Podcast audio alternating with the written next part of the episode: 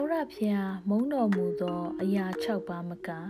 ဆက်ဆုပ်ရွှင်ရှာတော်မူသော အရာ9ပါးဟုမူကား